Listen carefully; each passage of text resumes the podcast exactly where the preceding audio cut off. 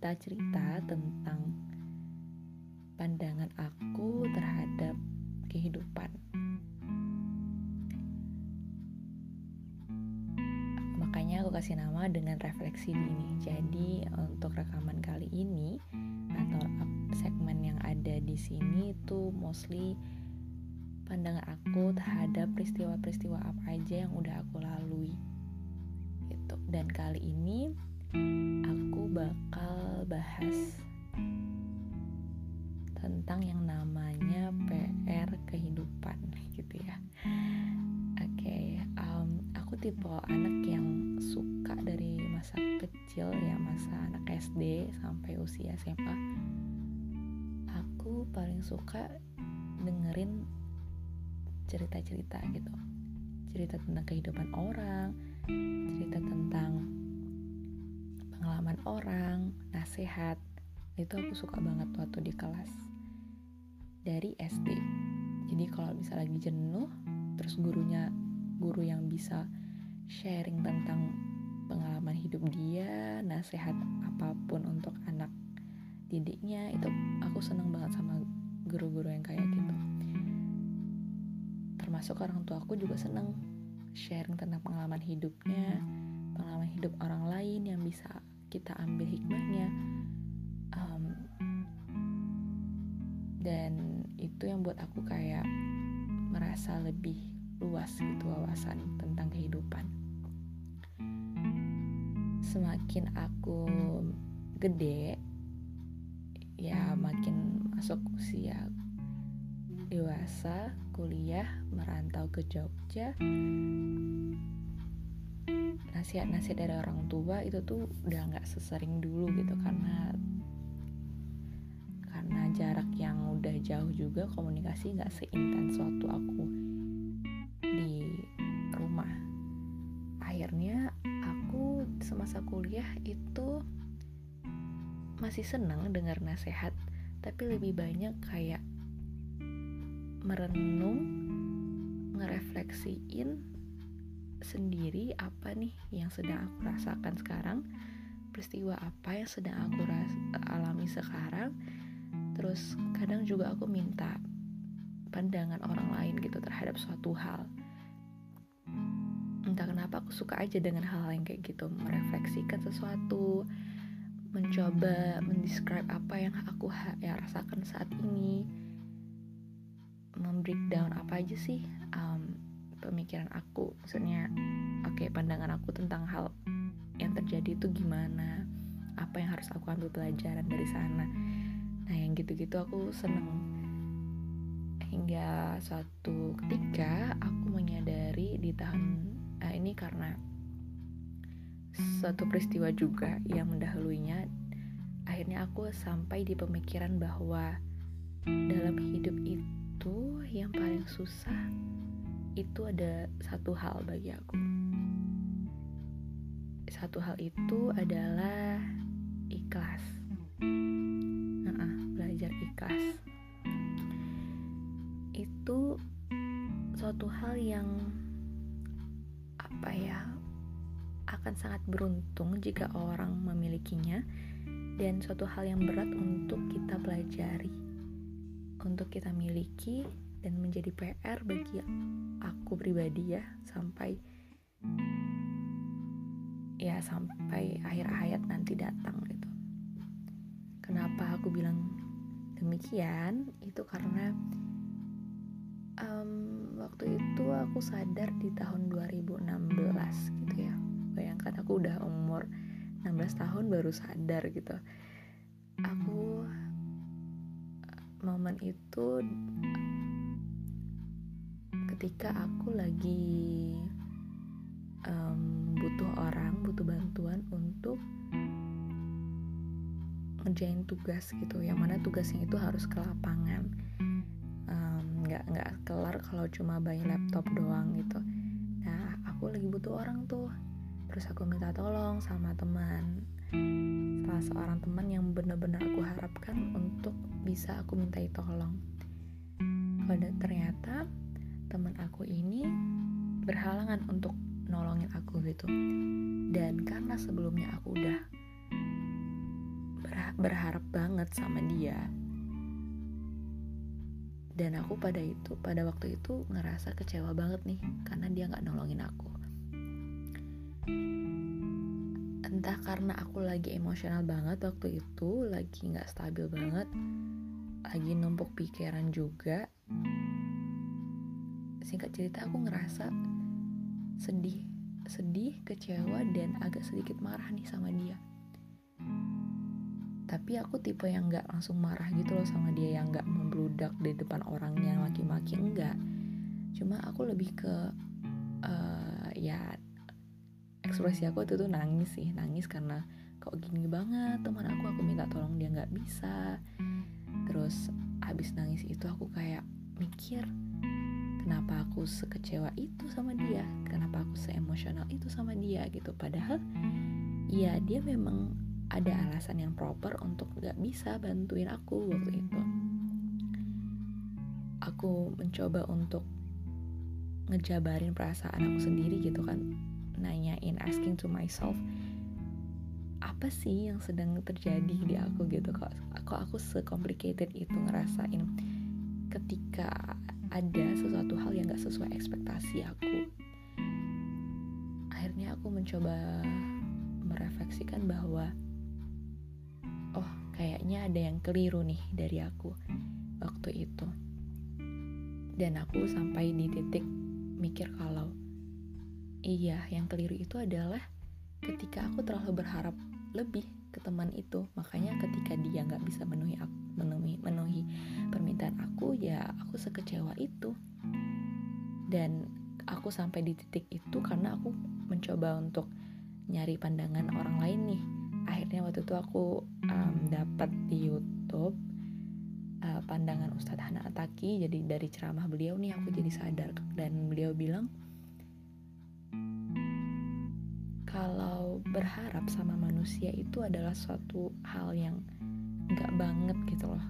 Karena apa? Karena manusia itu yang namanya manusia sifatnya terbatas.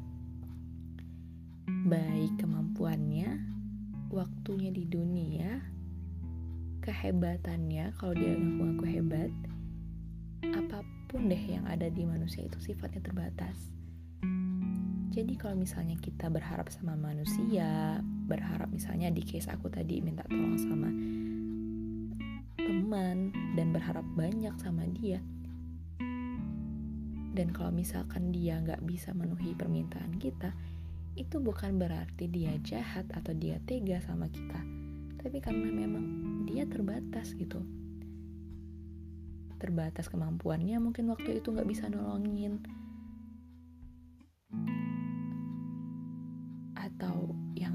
gitu karena ya selemah itu ternyata manusia. Seterbatas itu ternyata apa yang ada di diri kita. Dan saran dari Ustadz Hana Ataki sih yang aku dengarkan kalau memang kita ya berum, bermuamalah gitu ya melakukan uh, interaksi sama orang lain untuk antisipasi rasa kecewa ketika memang tidak sesuai harapan, maka alangkah lebih baik kita itu berakatnya ke Allah gitu. Jadi kayak ya aku minta tolong sama orang nih, eh tolongin aku ya ntar uh, beli ini ke sini. Ternyata dia tiba-tiba cancel agenda. Kita nggak sekecewa itu karena kita berakatnya ke Allah. Jadi sebelum kita minta tolong, kita udah ngebantu nih semoga dia mau nemenin aku deh. Kalau enggak juga nggak apa-apa ya Allah gantilah dengan yang lebih baik. Udah clear. Dan ketika aku menerapin itu di momen-momen yang berikutnya itu bener-bener rasanya beda banget. Rasanya kayak plong aja ketika memang ada suatu hal yang gak sesuai dengan ekspektasi aku berjalannya rasanya kayak lapang aja gitu dada kalau misalnya temen gak bisa bantuin kita temen gak ngasih suatu hal balik ke kita ketika kita udah ngebaik sama dia ternyata memang kuncinya adalah ikhlas gitu.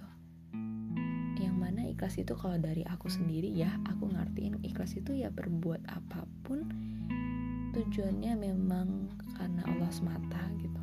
Jadi kalau misalnya kita berbuat sesuatu orang itu nggak berbuat baik balik ke kita that's okay nothing tulus not, nothing tulus kalau ada kita berbuat sesuatu tapi ternyata kita nggak dianggap sama orang atau ternyata um, dia nganggap sebelah mata merendahkan bahkan that's okay karena memang dari awal niat kita adalah berbuat itu karena Allah gitu. Dan Allah bukan makhluk yang terbatas melihat suatu hal terbatas menilai sesuatu hal dan Allah tuh ya nggak nggak akan pernah menyanyiakan usaha hambanya, amal hambanya. Allah tuh nggak buta gitu. Ya, itu yang pertama sih. Aku ngebagi, ya, itu adalah ya? Ikhlas itu adalah hal yang berat bagi aku. Dan aku ngomong kayak gini bukan karena aku udah tergolong orang-orang ikhlas ya dalam menjalankan sesuatu enggak. Tapi ini benar-benar pure dari refleksi aku terhadap momen yang terjadi di hidup aku. Dan untuk ikhlas ini aku ngebagi dua. Yang tadi aku udah cerita aku ngekelompokin di poin yang pertama yaitu ikhlas dalam konteks berum bermuamalah atau berinteraksi dengan orang dengan manusia. Nanti ada rekaman selanjutnya itu tentang ikhlas terhadap sesuatu atau seseorang yang telah pergi gitu. Jadi segini dulu rekaman untuk ikhlas poin pertama nanti silahkan dengarkan buat teman-teman yang mau mendengarkan di rekaman selanjutnya Bye.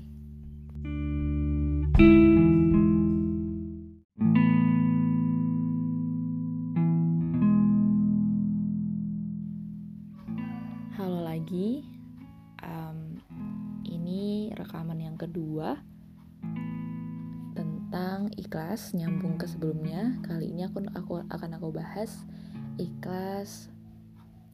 dalam konteks terhadap sesuatu yang udah pergi atau sesuatu yang akan pergi.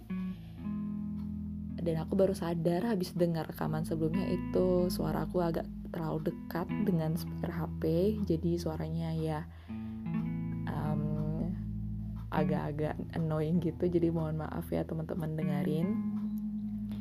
Tapi ini udah agak aku jauhin kok dari HP terus kalau misalnya suara aku agak serak-serak iya ini aku baru bangun jadi mohon maaf lagi. Oke lanjut aja. Hmm, yang kedua. Kenapa sih aku ngepoinin gitu ikhlas terhadap sesuatu yang telah pergi? Sesuatu ini bisa jadi orang bisa jadi benda gitu ya.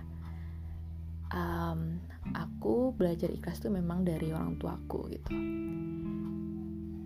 um, untuk poin yang kedua ini.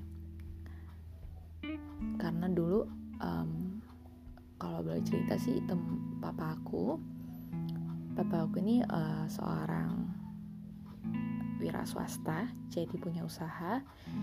Dan dalam wira swasta ini dalam, dalam berusaha ngebangun bisnis itu memang naik turun ya yang kita tahu dalam bisnis itu memang ada suka ada dukanya untung sekali untung rugi besar banget rugi. Jadi tahun 2000 empat waktu aku TK itu kita ngalamin yang namanya kebakaran bahkan sampai masuk ke koran karena kebakarannya itu di toko di toko aku yang sekaligus rumah dan eh ruko papaku ding bukan punya aku. Uh, ruko yang di depan jalan raya gitu dan itu subuh subuh aku inget banget aku dibopong sama abang aku masih pakai ya bener-bener pakai singlet doang sama kolor doang udah. Aku nangis ngelihat gede banget apinya um, dan sejak peristiwa itu papa kerugian besar. Ya bahkan waktu itu sampai tahun 2006 utang papa tuh masih yang 650 juta gitu. Um, tahun 2006 itu sesuatu apa ya nominal yang gede menurut aku dan yang bagi aku yang nggak pandai banget nyari duit itu gede banget dan papa tuh masih yang sosok kuat banget sih. Itu itu peristiwa ikhlas yang aku mikir apa sih sama papa apa sih yang ada di diri papa sehingga papa tuh masih bangkit lagi bangkit lagi terus yang kedua uh, masih sebenarnya banyak sih peristiwa yang yang ada di papa yang bisa aku ambil hikmahnya. Cuma um, yang paling aku ingat ya dua ini. Yang kedua itu ada papa itu pernah kemalingan di tahun berapa ya?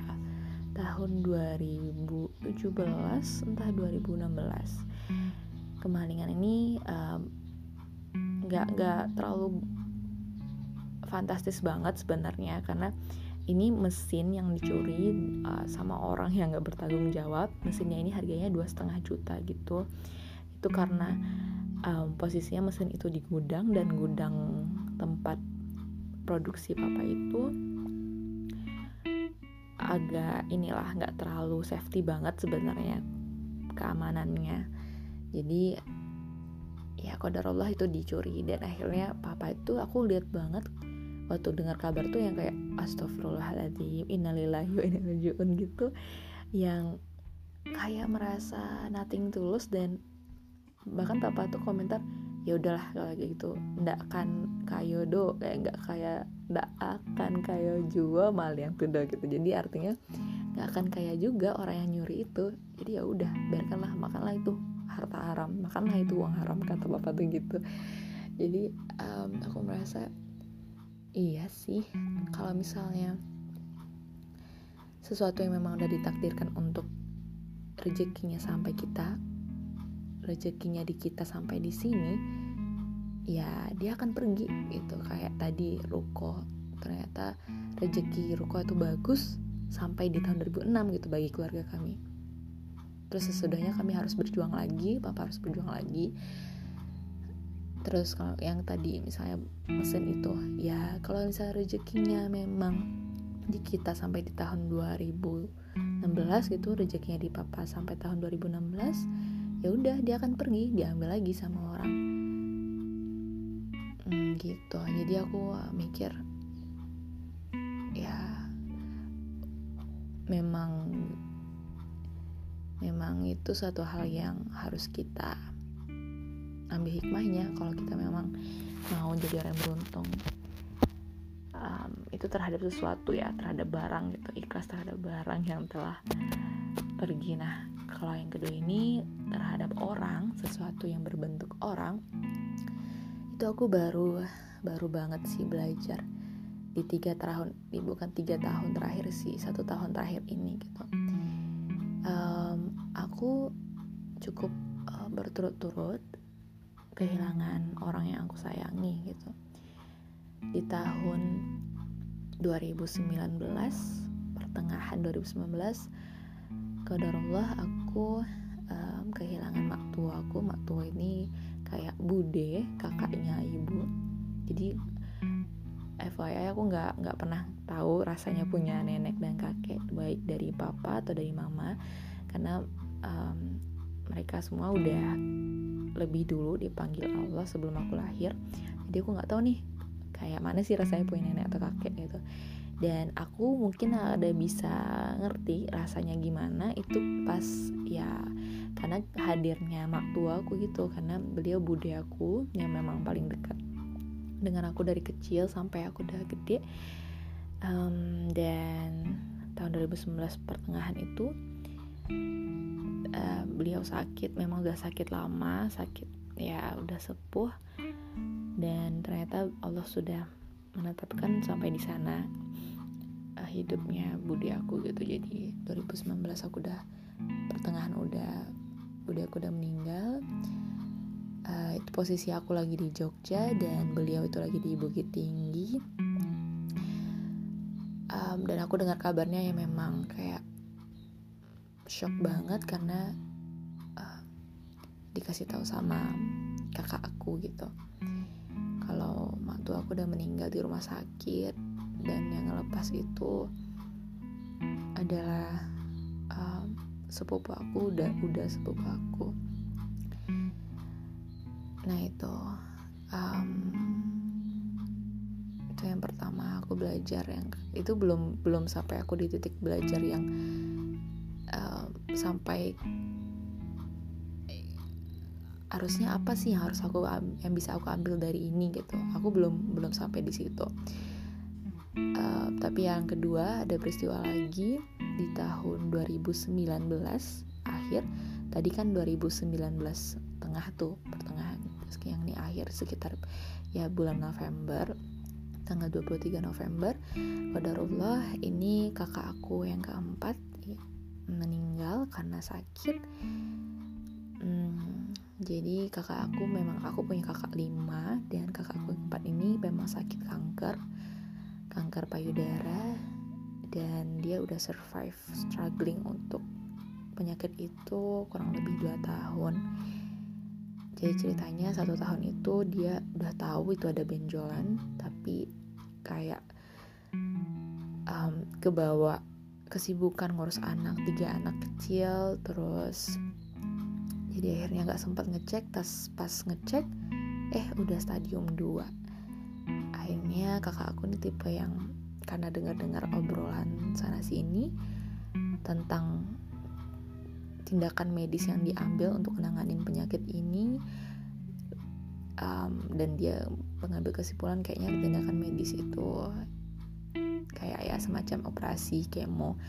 Itu suatu hal yang menakutkan bagi dia dan kayaknya peluangnya kecil untuk hidup lagi atau sehat lagi setelah perawatan. Jadi akhirnya kakakku ngikutin saran-saran dari orang-orang di sekitarnya. Semacam ambil pengobatan alternatif. Singkat cerita kakak aku udah tiga kali tiga kali ganti gonta ganti pengobatan alternatif. Dan kalau misalnya teman-teman tahu nih um, bagi orang yang Sumatera mungkin Riau atau Sumatera Barat tahu mungkin yang daerah Batu Sangkar. Ya kakak aku tuh nyoba ke sana daerah hmm, Bukit Tinggi nyoba ke sana juga. Dan itu rutin tiap bulan tuh ada bahkan tiap bulan tuh mungkin ada yang empat kali. Gonta ganti tempat gonta ganti cerita. Pengobatan pertama ternyata awalnya cocok eh akhir-akhir kok nggak cocok parah. Ganti lagi ke pengobatan yang kedua tempat yang kedua. Ternyata nggak cocok lagi makin parah lagi. Ganti lagi ke pengobatan yang ketiga. Udah bagus tuh udah bagus eh ternyata kok akhir-akhir makin bandel gitu. Akhirnya sampai ke kakakku naik stadium lagi terus ya setiap dia mengalami apa pun dalam hidupnya itu dia cerita gitu ke aku. Aku habis ini din habis ngejalanin pengobatan yang ini disuruh minum ini disuruh nggak usah makan ini ya, dijalani terus tapi ya itu pengobatan alternatif ternyata cocok-cocokan sama badan kita. Um, dan aku aku bener-bener yang sampai di titik ini aku kepikir lagi sih cerita-cerita dia dan sampai akhirnya dia udah kayak hopeless banget dengan pengobatan alternatif dan akhirnya ngambil tindakan yang udahlah aku medis aja aku operasi aja dengan segala pertimbangan yang berat nanya papa nanya mama nanya suaminya. Akhirnya udah ambil pengobatan medis. Singkat cerita di bulan November itu masuk awal November masuk operasi ngangkat payudara. Ya ternyata kondisinya makin down kondisinya makin memburuk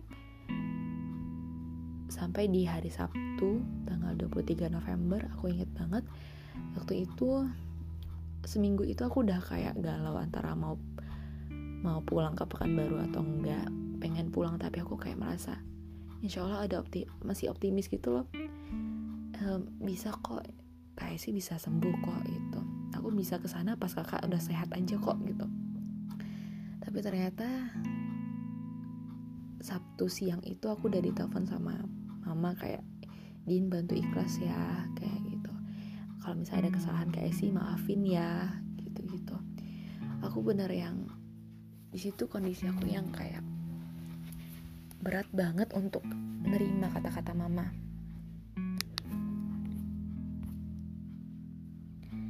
Karena ya dalam pikiran aku ngapain ngomong kayak gitu? Gitu toh kakakku tuh masih bisa sehat gitu loh. Tapi aku kayak cuma ya ya mah dan sebelum hari Sabtu itu sebenarnya hari Senin kakakku tuh nelpon kan nelpon yang ngomong sepatah dua kata. Kayak Din bantu doa aku ya doain aku ya. Dia cuma ngomong itu habis itu udah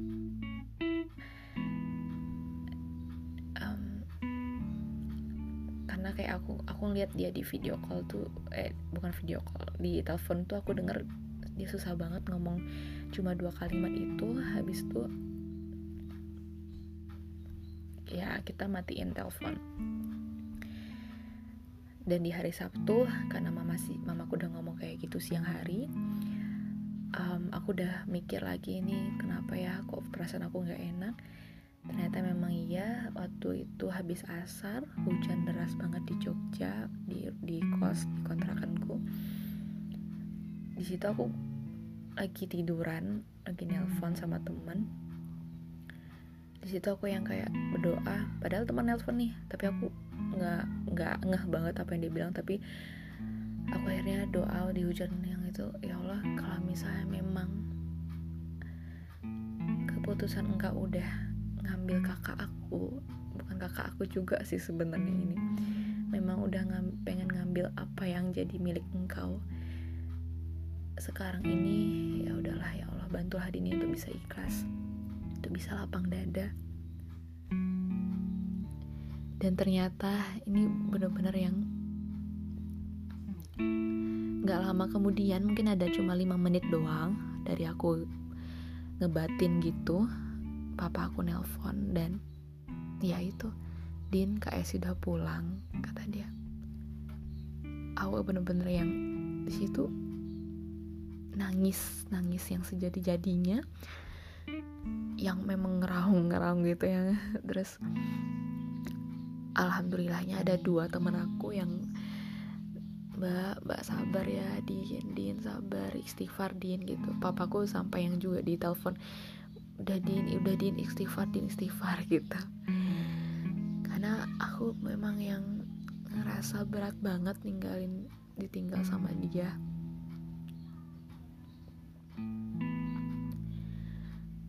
Di sana rasa aku campur aduk banget ngerasa kehilangan ngerasa nyesal juga karena selama ini aku udah aku nggak seberapa nemanin dia. Aku nggak seberapa ada untuk dia ngebantu dia aku nggak seberapa ngekasih support sama dia gitu. Aku masih yang egois misalnya kayak dia pengen cerita tapi aku lagi capek udahlah kak nanti aja ya gitu. Memang yang masih menyesal karena aku belum jadi adik yang baik untuk dia. Tapi dia udah jadi kakak yang baik untuk aku. Dia ngasih support aku dia ngasih optimisme buat aku kalau misalnya aku lagi ngedown kayak masalah apa pun dari zaman sekolah sampai sampai urusan kuliah masalah dari tugas-tugas akademik kehidupan percintaan pokoknya dia tuh ada buat aku semua. Kayak mamanya kedua buat aku lah gitu karena apa-apa aku lebih plong cerita sama kakak dan dia tuh memang kakak pertama yang bikin aku ngerasa aku punya kakak kok gitu. Pas kehilangan itu bener-bener yang oke okay, ini kenyataannya din. Mau nggak mau harus diterima.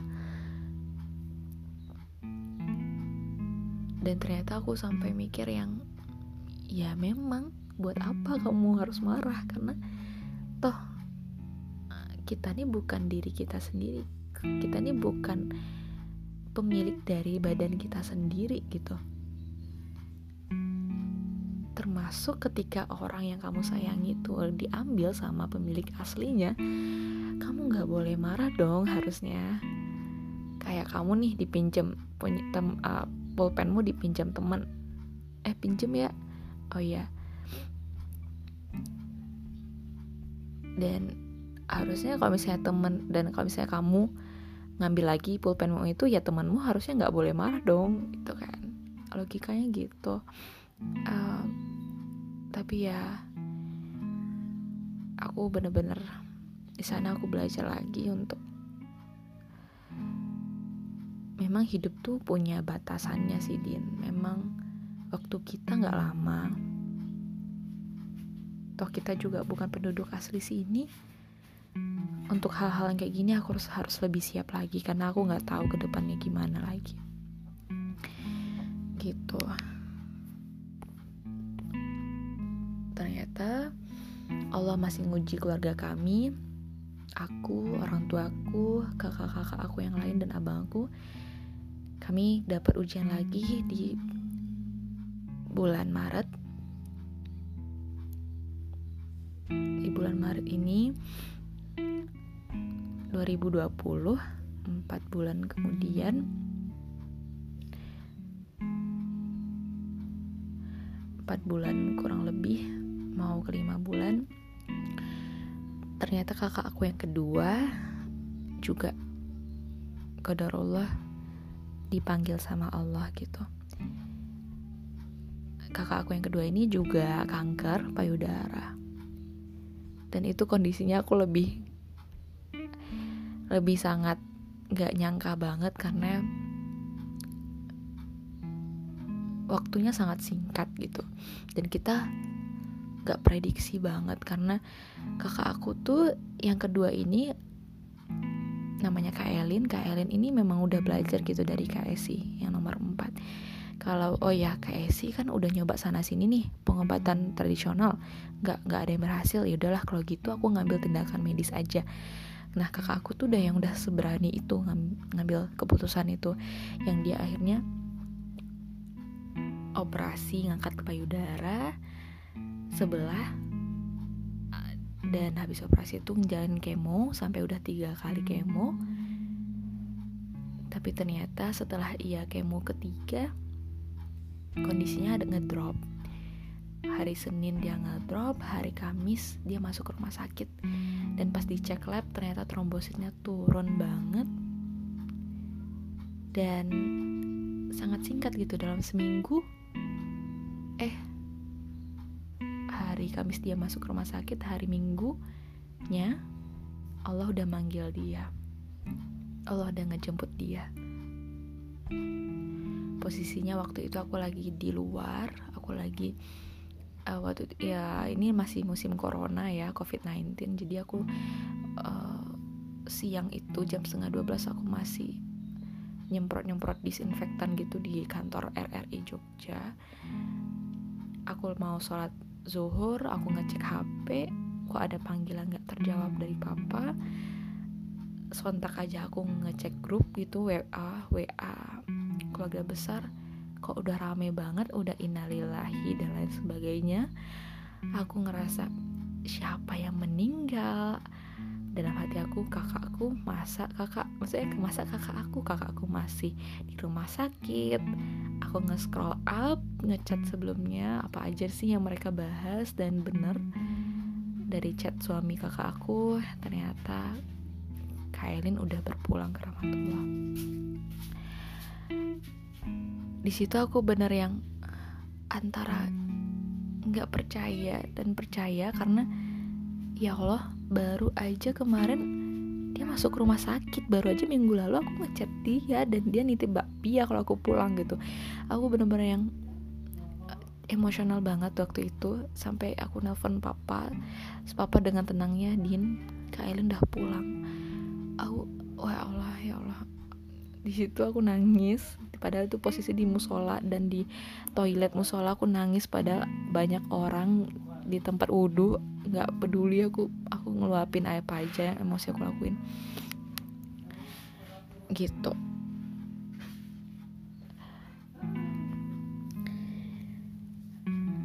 Um, untuk yang ketiga kalinya setelah Mak Tuo.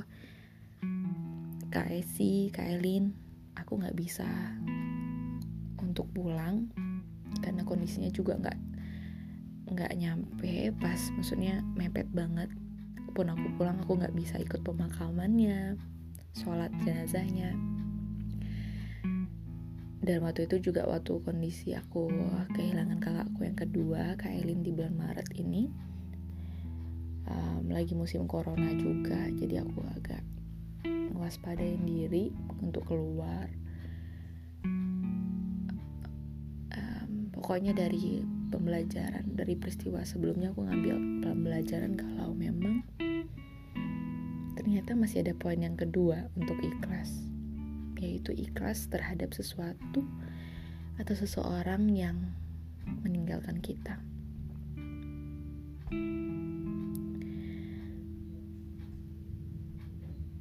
Akhirnya aku ngambil kesimpulan ternyata kematian itu sangat dekat ya.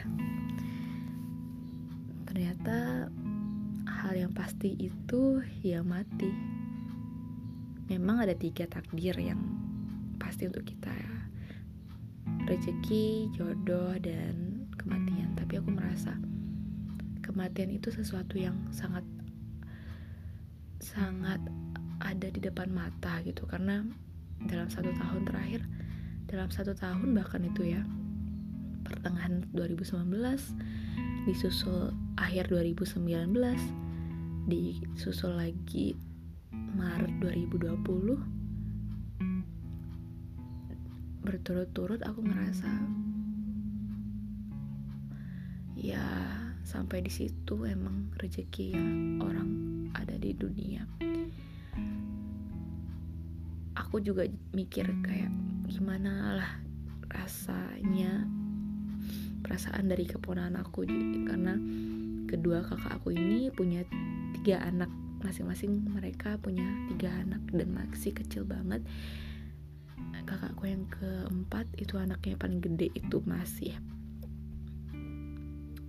TK kakakku yang kedua ini yang paling gede itu masih kelas 6 SD dan bayangkan mereka masih punya dua anak kecil lagi tiap-tiap orangnya.